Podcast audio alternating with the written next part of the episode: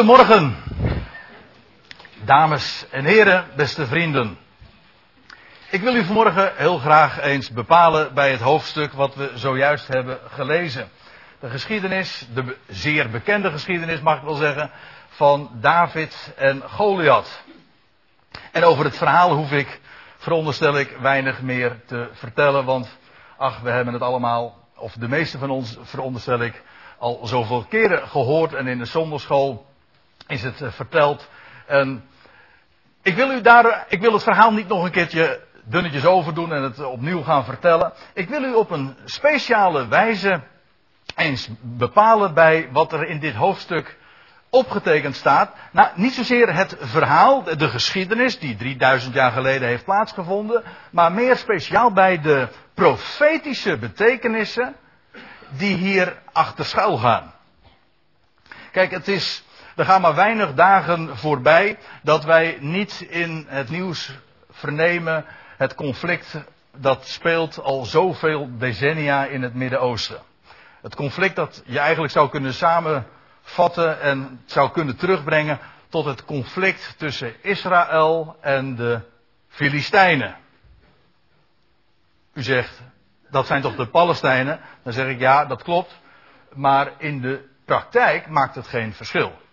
De Palestijnen, als het in de, als het in de Bijbelse taal, in de taal van het Hebreeuws, de taal van, de, van Israël zou zeggen, dan kun je het verschil niet eens maken tussen Filistijnen en Palestijnen. Palestijn, trouwens, wat, daar kan ik, op die manier zou ik het u ook kunnen vertellen als u een statenvertaling hebt, dan zult je ontdekken dat het verschil met de NBG-vertaling is, dat terwijl dat is, dat als de NBG-vertaling spreekt over Filistea, dan spreekt de statenvertaling over Palestina. Dat zijn exact dezelfde namen. En daar komt bij dat de, de huidige Palestijnen, ja, die claimen ook dus recht op het land van Israël. Ze zijn ook weer in dezelfde locatie um, hebben ze hun, hun, uh, hun domicilie daar in de Gaza-strook, waar de, destijds ook de vijf steden van de, van de Filistijnen waren. De, de huidige Palestijnen zijn, zou je kunnen zeggen, niet de nakomelingen, maar dan toch in elk geval de erfgenamen van de Filistijnen van weleer. En dat is een van de opmerkelijke dingen die we in onze dagen in de afgelopen decennia, in de laatste eeuw hebben meegemaakt, dat is dat het hele volkerenpatroon, zoals we dat kennen in het Oude Testament, weer helemaal opnieuw tot leven is gekomen. Al die landen van Syrië en Irak en Libanon en Egypte, ze zijn weer op de kaart gezet. En in 1948 is daar weer sinds duizenden jaren een Joodse staat. En, weer, en ook weer die aloude rivaal van de Filistijnen, die wij dan tegenwoordig de Palestijnen noemen. Ze staan weer tegenover elkaar. Maar 3000 jaar geleden was het dus niet anders. Toen stond, was er ook een, sprake van een padstelling, mag ik wel zeggen, tussen Israël, het volk van Israël, aan de ene kant, en de Filistijnen, de Palestijnen, aan de andere kant.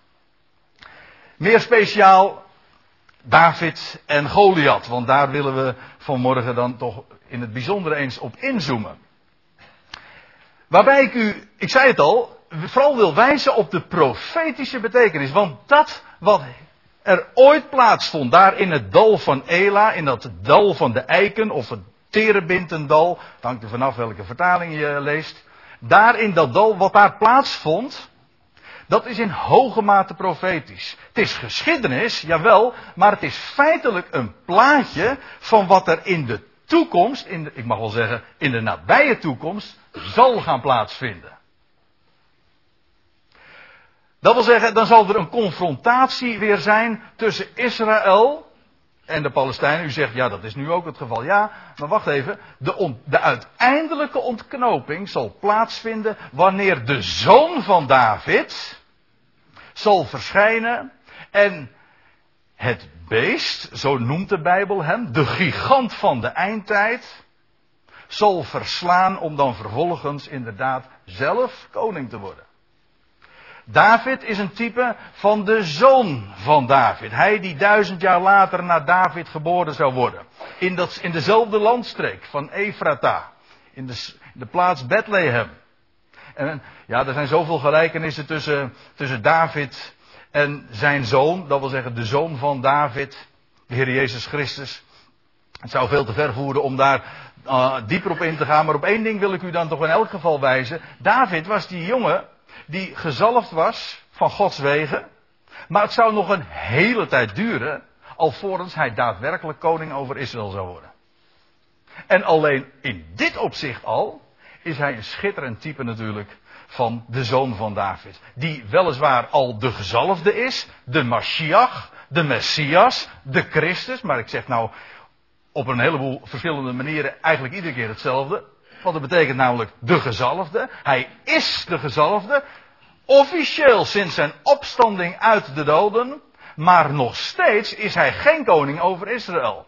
Dat moet nog gaan gebeuren. En dat zal gebeuren zodra hij ook inderdaad de vijand heeft verslagen. En daar wil ik dan ook wat over vertellen, want die Goliath, ik zei al, hij is een type van dat figuur dat nog, dat wel misschien al onder ons uh, leeft en woont. Uh, dat weet ik niet. Het zou, me, het zou me helemaal niet verbazen. Maar in ieder geval dat figuur waarvan de Bijbel spreekt dat hij zal komen. De grote leider van het wereldrijk in de eindtijd. Want zo spreekt de Bijbel daarover. Er komt een, een, een, een nieuw een, wereldrijk daarin in het Midden-Oosten. Met als hoofdstad Babel. Zojuist is er al wat uh, over gezegd door de André Kousenmaker. En hij. Dat, dat rijk zal inderdaad als hoofdstad Babel hebben. Maar er is daar nog, nog veel meer mee aan de hand. Maar het heeft, het heeft een representant en de Bijbel noemt hem, ja, op, verschillende manieren hoor. Maar hij noemt, ze noemt hem onder andere ook het beest. De gigant van de eindtijd. En ik wil u wijzen in eerste instantie op een vijftal gelijkenissen tussen aan de ene kant Goliath. En aan de andere kant dat figuur dus wat nog zal opkomen en dat een grote rol zal gaan spelen in de, in de, in de nabije toekomst. Want het, het zal u toch niet verbazen, en ik zeg daarmee hier in deze omgeving, op deze plaats toch niks nieuws. De Bijbel spreekt daarover. En alles wat er gaat, gebeurt momenteel in de wereld, het leidt allemaal volkomen volgens het profetisch woord het leidt allemaal naar de ontknoping. En de ontknoping zal plaatsvinden daar in het Midden-Oosten. En al die landen die daar nu weer tot leven zijn gekomen, weer op de kaart gezet zijn, wel, ze zullen een rol spelen. En ze zullen een, een, een macht gaan vormen. En, en er zullen tien landen zich gaan verenigen. De Bijbel spreekt daar zo over. Een wereldrijk. En met de ware Goliath aan het hoofd. Goed, ik zei al, een vijftal gelijkenissen. Hij is groot en verschrikkelijk. Zo wordt Goliath beschreven. Wel, dat is ook de beschrijving die we vinden van dat laatste wereldrijk dat gaat komen, daar in het Midden-Oosten. Daarvan lees je in het boek Daniel, Daniel 7, en zie een vierde dier. Dat wil zeggen, het zal het vierde koninkrijk zijn dat Babel als hoofdstad zal hebben. Drie hebben we er al gehad. Eerst het rijk van Nebukadnezar. Toen kreeg je het Medo-Persische Rijk, had ook Babel als hoofdstad. Toen kreeg je Alexander de Grote met het Griekse Rijk. Verklaarde ook Babel tot hoofdstad. En zou het ook helemaal gaan herstellen, maar het heeft niet uh, mogen gebeuren, want Alexander de Grote kwam al op een jonge leeftijd te overlijden, op een mysterieuze manier te overlijden in Babel, de stad die hij zou gaan in ere zou herstellen. En die al, hij al tot hoofdstad had gemaakt. En daarna hebben we eigenlijk nooit meer wat van Babel gehoord. Maar de Bijbel zegt, Babel zal in de eindtijd weer uit zijn as herrijzen en het zal de hoofdstad worden van de wereld. Nou, zie een vierde dier, vreselijk schrikwekkend en geweldig sterk. En tot grote ijzeren tanden, je zou haast zeggen het is een beschrijving van Goliath. En het at en het vermaalde en wat overbleef vertrad het met zijn poten. Nou, je zou het vervolg ook eens moeten lezen. Het gaat het gaat hier over dat vierde rijk en ook over, vooral over degene die dat rijk representeert, de leider, de koning van dat rijk. Maar de gelijkenis met Goliath, die, die ligt zo voor het oprapen. Ik zei al, dat laatste rijk, dat, dat, dat heeft zijn, dat zal een rijk zijn daar in het Midden-Oosten, zoals het, Griekse, zoals het Babylonische Rijk ooit dat was, zoals het Medo-Persische Rijk dat was, zoals het Griekse Rijk dat was. En dat vierde rijk zal opnieuw weer Babel als hoofdstad hebben en daar zal het allemaal gaan plaatsvinden. Daarom is het feit dat de hele wereldproblematiek vooral samen uh, of teruggevoerd kan worden tot het conflict in het Midden-Oosten is niet zonder betekenis. Het is ook echt zo. Daar ligt het echte probleem. En daar zal ook de oplossing van Gods wegen komen. Op een hele wonderlijke manier. En de Bijbel voorzegt het. En het allermooiste vind ik dat de Bijbel het niet alleen maar expliciet, gewoon nadrukkelijk zo zegt, zwart op wit, maar ook in beelden ons vertelt. En die beelden kennen we, ze zijn ons al verteld vanaf van jongs af aan op de zonderschool. Maar waar ik u vanmorgen op wil wijzen, is dat het, is dat die, dat zo'n verhaal, dat er nog zoveel meer in verborgen ligt. Goed, tweede gelijkenis. Het getal 666. Laten we eens lezen wat er over staat in Openbaring 13. Daar, wordt gezegd in vers 18, wie verstand heeft, die berekent het getal van het beest, want het is een getal van een mens. En dan staat er, en zijn getal is 666. Nou, daar zit heel veel aan vast. Maar dit is vrij bekend. 666, iedereen weet dat het iets te maken heeft met de draak, met het grote tegenstander van God en met, het, met de eindtijd. Maar weet u dat dat getal ook terugkomt in de beschrijving van Goliath? Op een wat eigenaardige manier. Want in de eerste plaats wordt er dan gezegd, in de eerste verse van 1 Samuel 17 vind je dat. Hij was zes el lang. Ja, het was echt een gigant. Er waren in die dagen trouwens al meer van zulke reuzen. Die waren er voor de zondvloed trouwens ook al. Dat is, dat is nog weer een verhaal apart. Maar in ieder geval, hij was een gigant, een reus. Zes el lang. Uh, vervolgens worden er zes onderdelen van zijn wapenrusting genoemd. En vervolgens wordt er nog gezegd dat de, lans van de, de punt van de lans van zijn speer was 600 sikkels ijzer. Je struikelt over dat zes, tot drie keer toe. Ook hier, bij Goliath, komt dat getal 6, 6, 6 zo duidelijk naar voren. Schrijf het, lees het maar en, en, en je, en lees het en je weet het. Hè? Hij was iets anders, maar goed. Lees het en je weet het. Uh, de derde gelijkenis.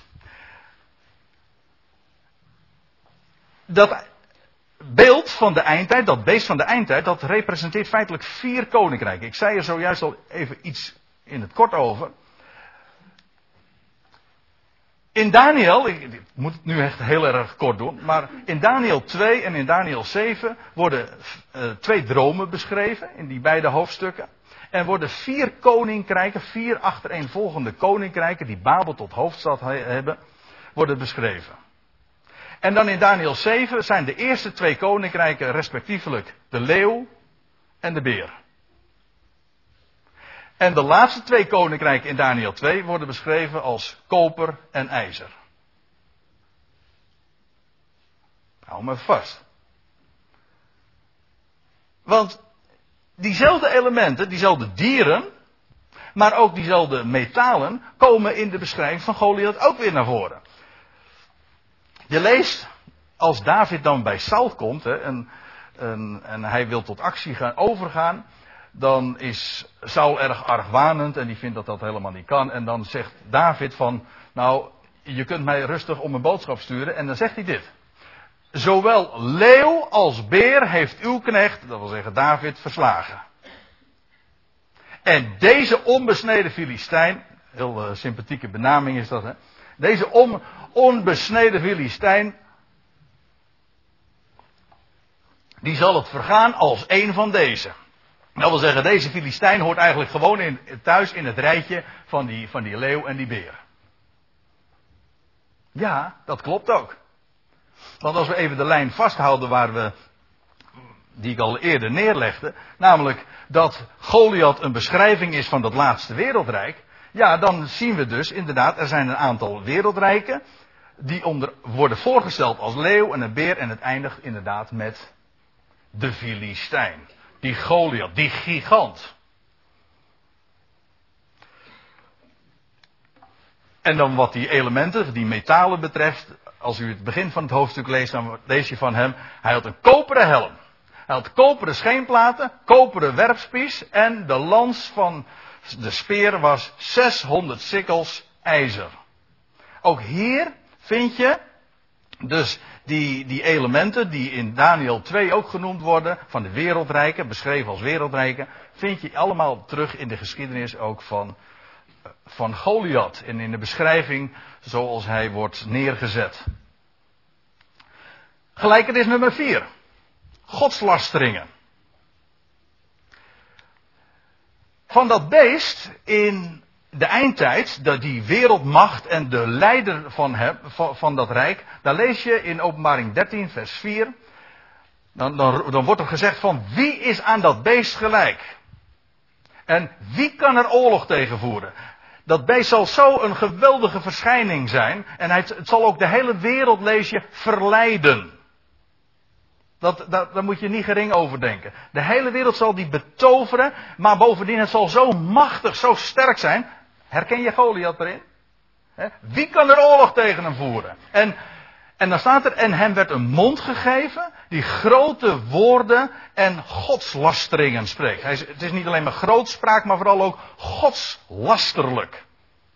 Exact hetzelfde als wat je ook van Goliath leest. Hij tart de slagorde van Israël en de God van Israël.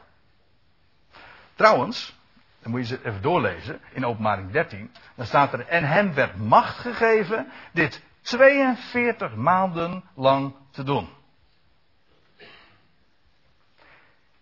En die 42 komen we ook weer tegen. Al is het op een wat verborgen manier, dat geef ik toe. In 1 Samuel 17. Want wat lees je? In 1 Samuel 17 vers 16. De Filistijn nu kwam des morgens en des avonds naar voren en hij stelde zich op 40 dagen lang. En bij 40, dan vindt er altijd een omkering plaats in de Bijbel.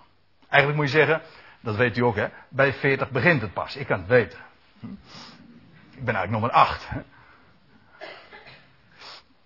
Bij de, bij de 40 gaat het pas echt beginnen. En dat zie je hier ook, want die, die Filistijn die treedt erop 40 dagen lang. Ja, maar dan, dan begint het pas, want dat lees je dan vervolgens. En Isaïe zeide, dat is inmiddels dus daarna, de 41ste dag. En Isaïe zeide tot zijn zoon David, neem tien broden en breng ze vlug naar de legerplaats, naar uw broeders. En dan staat er in vers 20 vervolgens, en toen stond David des morgens vroeg op. Dus, dus dat is de volgende dag. Dus dat is inderdaad dag 42. En hij liet de schaap achter bij een wachter. Hij laadde op en ging heen zoals Isaïe hem bevolen had. Nou, dat was een flinke reis nog, een kilometer of 25. Maar is goed af te leggen in één dag. En diezelfde dag nog vindt de confrontatie plaats tussen David en Goliath. Dus hoe lang heeft Goliath daar staan brallen en godslasteringen heeft hij daar geuit? Inderdaad, 42 dagen. En ook daarin herken je weer dat beest van de eindtijd. En dan wil ik u tenslotte nog op een vijfde gelijkenis uh, opmerkzaam maken. Want u bent natuurlijk niet zomaar overtuigd, en terecht hoor. Dus ik dacht van ik geef gewoon vijf bewijzen. En als u dan met één bewijs niet eens bent of niet overtuigend genoeg vindt, dan zeg je heb ik er nog vier voor u. Goed. Hij wordt geveld door een steen. Ja, want wat lees je over die, de, die wereldrijken van de eindtijd? Dan staat er, in Daniel 2 kunt u dat lezen. En terwijl gij bleef toezien, Daniel spreekt hier Nebukadnezar aan. Terwijl gij bleef toezien, raakte zonder toedoen van mensenhanden een steen los die het beeld trof aan de voeten van ijzer, heb je het weer, en leem, en deze verbrijzelde. En toen werden tegelijkertijd het ijzer, het leem, het koper, het zilver, het goud verbrijzeld. Maar de steen die het beeld getroffen had, werd tot een grote berg die de hele aarde vulde. En dat is zo mooi. Want wat je dus hier ziet, is dat dat reusachtige beeld dat Nebukadnezar in zijn droom gezien had. Later maakt hij er trouwens ook weer een, een, zelf een, beeld van. Weet u trouwens hoe, hoe, groot dat beeld was? Dat hij toen zelf maakte. In het dal van Dura. Dat was 60 L hoog en 6 L breed. Heeft verder geen betekenis hoor. Ja, maar goed. Uh, dat beeld dat wordt dus getroffen door een steen. En dan vier koninkrijken moeten plaatsmaken voor dat laatste koninkrijk. Die, die steen. Die steen die zonder toedoen van mensenhanden losraakt en dat beeld treft, wel dat, die, uh, dat beeld dat wordt getroffen en die steen dat is feitelijk zelf de vijfde. Die vier koninkrijken moeten plaatsmaken voor het koninkrijk van de steen.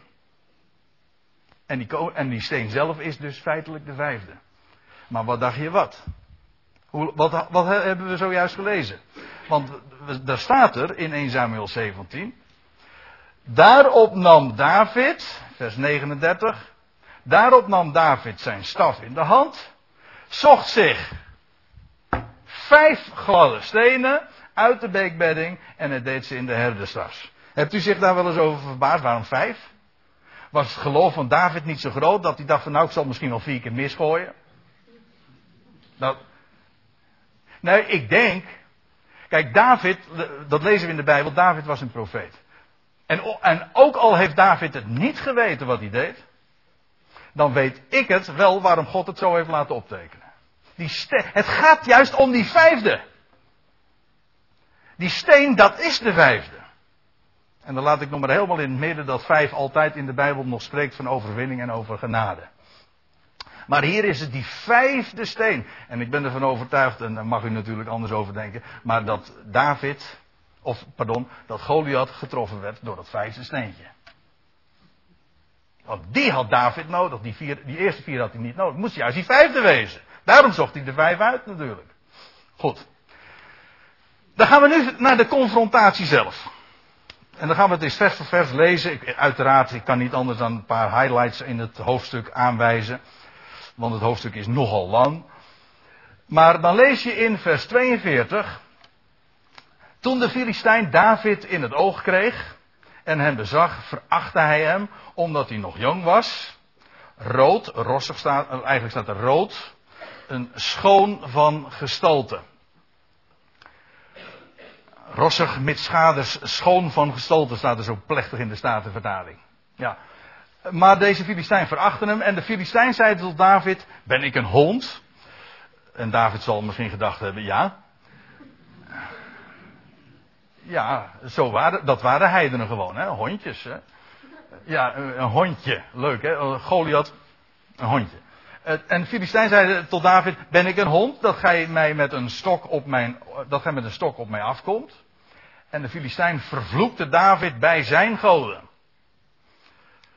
En ook zeide de Filistijn tot David: Kom maar eens hier, dan zal ik uw vlees aan het gevolgde van de hemel en aan het gedierte van het veld geven. Maar David zeide tot de Filistijn: Gij treedt mij tegemoet met zwaard en speer en werfspies. Maar ik treed u tegemoet in de naam van de Heere der Heerscharen. De God van de slagorde van Israël. Die gij getart hebt. En deze dag, de 42ste, zal de Heere u in mijn macht overleveren. En ik zal u verslaan en u het hoofd afhouden. Alsjeblieft, Goliath. En dan staat er, op deze dag, vers 46, op deze dag zal ik de lijken van het leger van de Filistijnen aan het gevolgde des hemels en het gedierte des velds geven. Weet je meteen waar de uitdrukking naar de Filistijnen gaan vandaan komt. Hm? Opdat de gehele aarde weten dat Israël een God heeft. En deze gehele menigte weten dat de Heere niet verlost door zwaard en speer, want de strijd is des Heeren. En Hij geeft u in onze macht.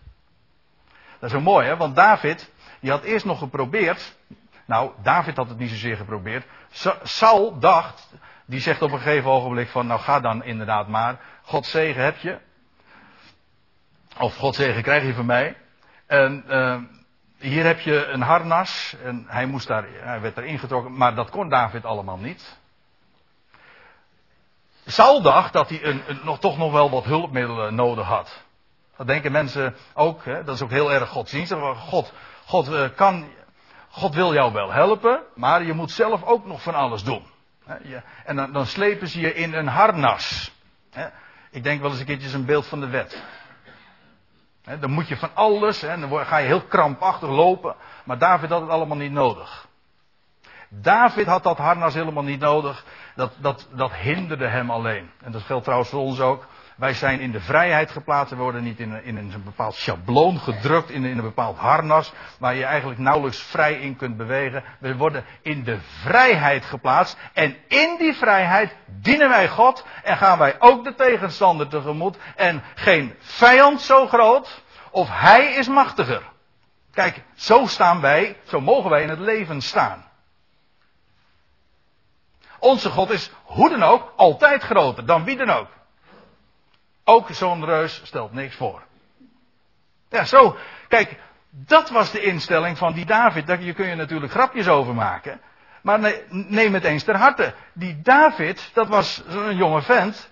En die heeft dat gezien. En die is in geloof op hem, te, hem tegemoet getreden. En hij had alleen maar een slinger en een steen. Maar zie daar. Goed, ik lees even verder in vers 48. En toen de Filistijn tot de aanval overging en al nader kwam, David tegemoet, haastte David zich en snelde op de slagorde toe, de Filistijn tegemoet. En hij stak zijn hand in de tas en nam er een steen uit, dat was die vijfde, dat weet je wel, hè, uh, nam er een steen uit, slingerde die weg en trof de Filistijn zo tegen zijn voorhoofd, zodat de steen in zijn voorhoofd drong en er voorover ter aarde viel. En dan zingen we in een lied en Goliath viel om, Rome de bom. Ja. Ja, je kunt het natuurlijk heel ernstig lezen, maar het is eigenlijk ook wel heel komisch. Hè? Zoals dat gaat. Iemand die zo God tart en die zo met zoveel grootspraak, maar die zo eenvoudig geveld wordt. En dan staat er, zo overwon David de Filistijn met een slinger en een steen. En hij versloeg de Filistijn en hij doodde hem. En David had geen zwaard in zijn hand. Nee, dat had hij ook niet. Had hij ook helemaal niet nodig. En daar staat er, David snelde toe.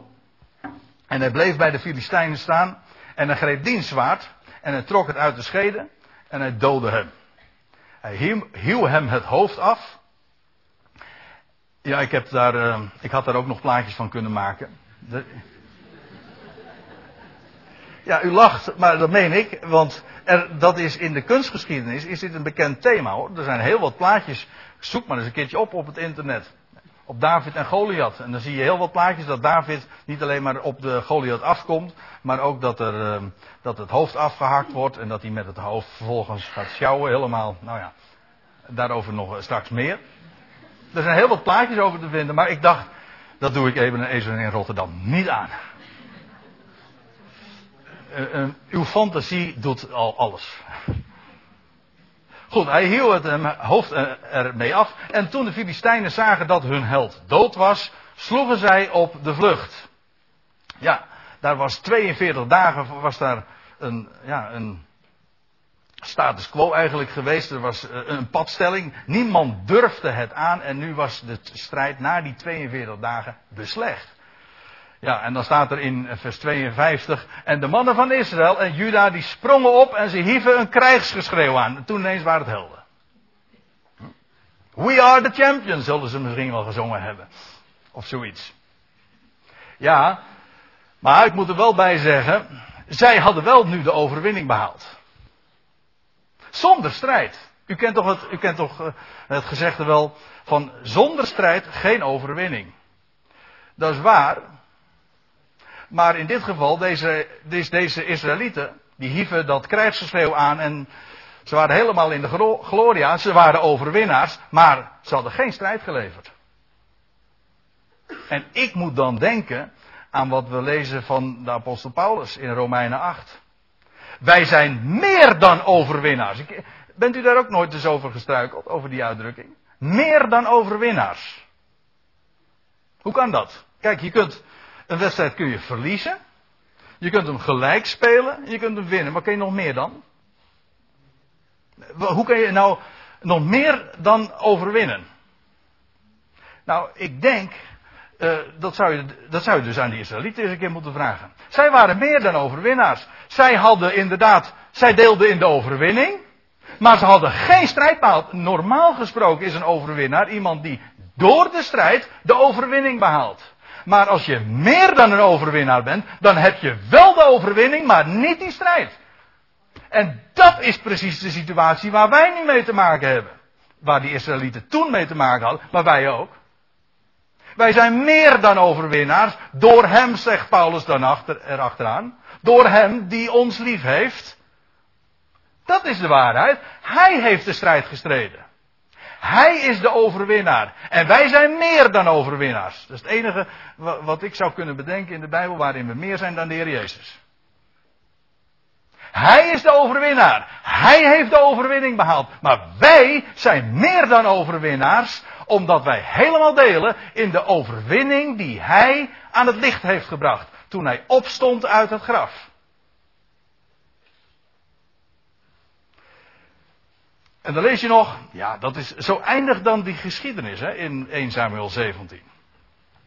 En David nam het hoofd van de Filistijn en hij bracht het naar Jeruzalem. Je leest nog dat hij het zwaard ook meenam. Dat nam hij mee naar zijn tent. En later komt dat zwaard van Goliath weer aan de orde. En dan lees je dat dat zwaard in het heiligdom gelegd wordt. Dat, dat heeft ook nog een verhaal. Maar nu eventjes hierop inzoomen. Dit is heel eigenaardig. Weet u waarom? Jeruzalem was in deze dagen nog helemaal niet de stad van Israël. Pas later, als David daadwerkelijk koning zou worden, dan overwint, dan overwint David op de Jebusieten. Want Jeruzalem was wel al een stad, maar het was in bezit van de Jebusieten. In heidense handen. En dan maakt David Jeruzalem tot zijn zetel. En het wordt de stad van David. En de zoon van David, ik bedoel nu even Salomo, bouwt daar de tempel. We hebben daar zojuist ook plaatjes van gezien op die locatie, et cetera. Maar hier nog niet. Hier was Jeruzalem nog helemaal niks. Ja, behalve dan de stad van de Jebusieten. En David neemt dat hoofd mee van die Filistijn. Hij had het afgehakt en neemt het hoofd mee. Dat ja, probeer je voor te stellen. Ja, want het is nog een hele reis geweest ook. Het was, nou pakweg 25 kilometer. Heeft hij met dat hoofd gesjouwd naar een stad. En zeggen hoezo naar Jeruzalem? Wij zeggen van ja, Jeruzalem is een belangrijke stad. Ja, maar toen nog niet. Hoe, hoe, waarom staat dat er zo dan? Nou, dat is niet zo moeilijk hoor. Kijk, ik gaf eigenlijk, ik, het antwoord heb ik al gegeven. Van David lezen we dat hij een profeet was. Een heleboel mensen zeggen, ja, het was een poëet. Ja, hij heeft heel veel gedicht. Ja, hij was een poëet, maar hij was een profeet. Zegt uh, Petrus in Handelingen 2. Daar David nu een profeet was en gesproken heeft over de toekomst, over iemand die uit zijn lendenen zou voortkomen. Het zaad van David, de zoon van David. En hij heeft in de toekomst geschouwd en in de psalmen lees je dat allemaal. En dan lees je, nou lees een psalm 22. Eh, psalm 22 is, is een, een, een psalm waarin David beschrijft wat de zoon van David zou overkomen. Mijn God, mijn God, waarom hebt gij mij verlaten? Zevental of acht uh, regelrechte profetieën lees je daarover wat, wat er zou gebeuren met de zoon van David en dat hij gekruisigd zou worden. Ja, letterlijk zo. Er staat in Psalm 22, die mijn handen en mijn voeten doorboren. De kruisiging was toen nog niet eens een executiemethode in die dagen. Maar David heeft in de toekomst gezien, als een profeet. Hij heeft gesproken over de dood en over de opstanding van de zoon van David. En wat David hier deed, dat hoofd meenemen van, van de, de vlakte van Ela en 25 kilometer verder brengen en, en, het, en het begraven, want dat, ik veronderstel dat hij dat gedaan heeft, en het daar brengen in Jeruzalem, dat is een profetische daad geweest. En weet u wat eigenlijk het verhaal is? Sinds David dat gedaan heeft, is er in Jeruzalem, let op wat ik zeg, sinds die dagen is er in Jeruzalem een schedelplaats. Hebt u hem? Sinds die dagen is er een schedelplaats. Ja, en in alle vier de evangeliën wordt daar melding van gemaakt. Matthäus, Marcus, Lucas, Johannes wordt allemaal verteld dat als Jezus gekruisigd wordt, dan staat er dat zij, dat zij dat deden op een plaats geweldig genaamd wordt. Golgotha, de zogenaamde schedelplaats. Lag daar dan een schedel? Is er ooit een schedel gebracht? Jazeker. En het is zelfs zo dat, dat het eh, in verband gebracht is, dat is wat onzeker.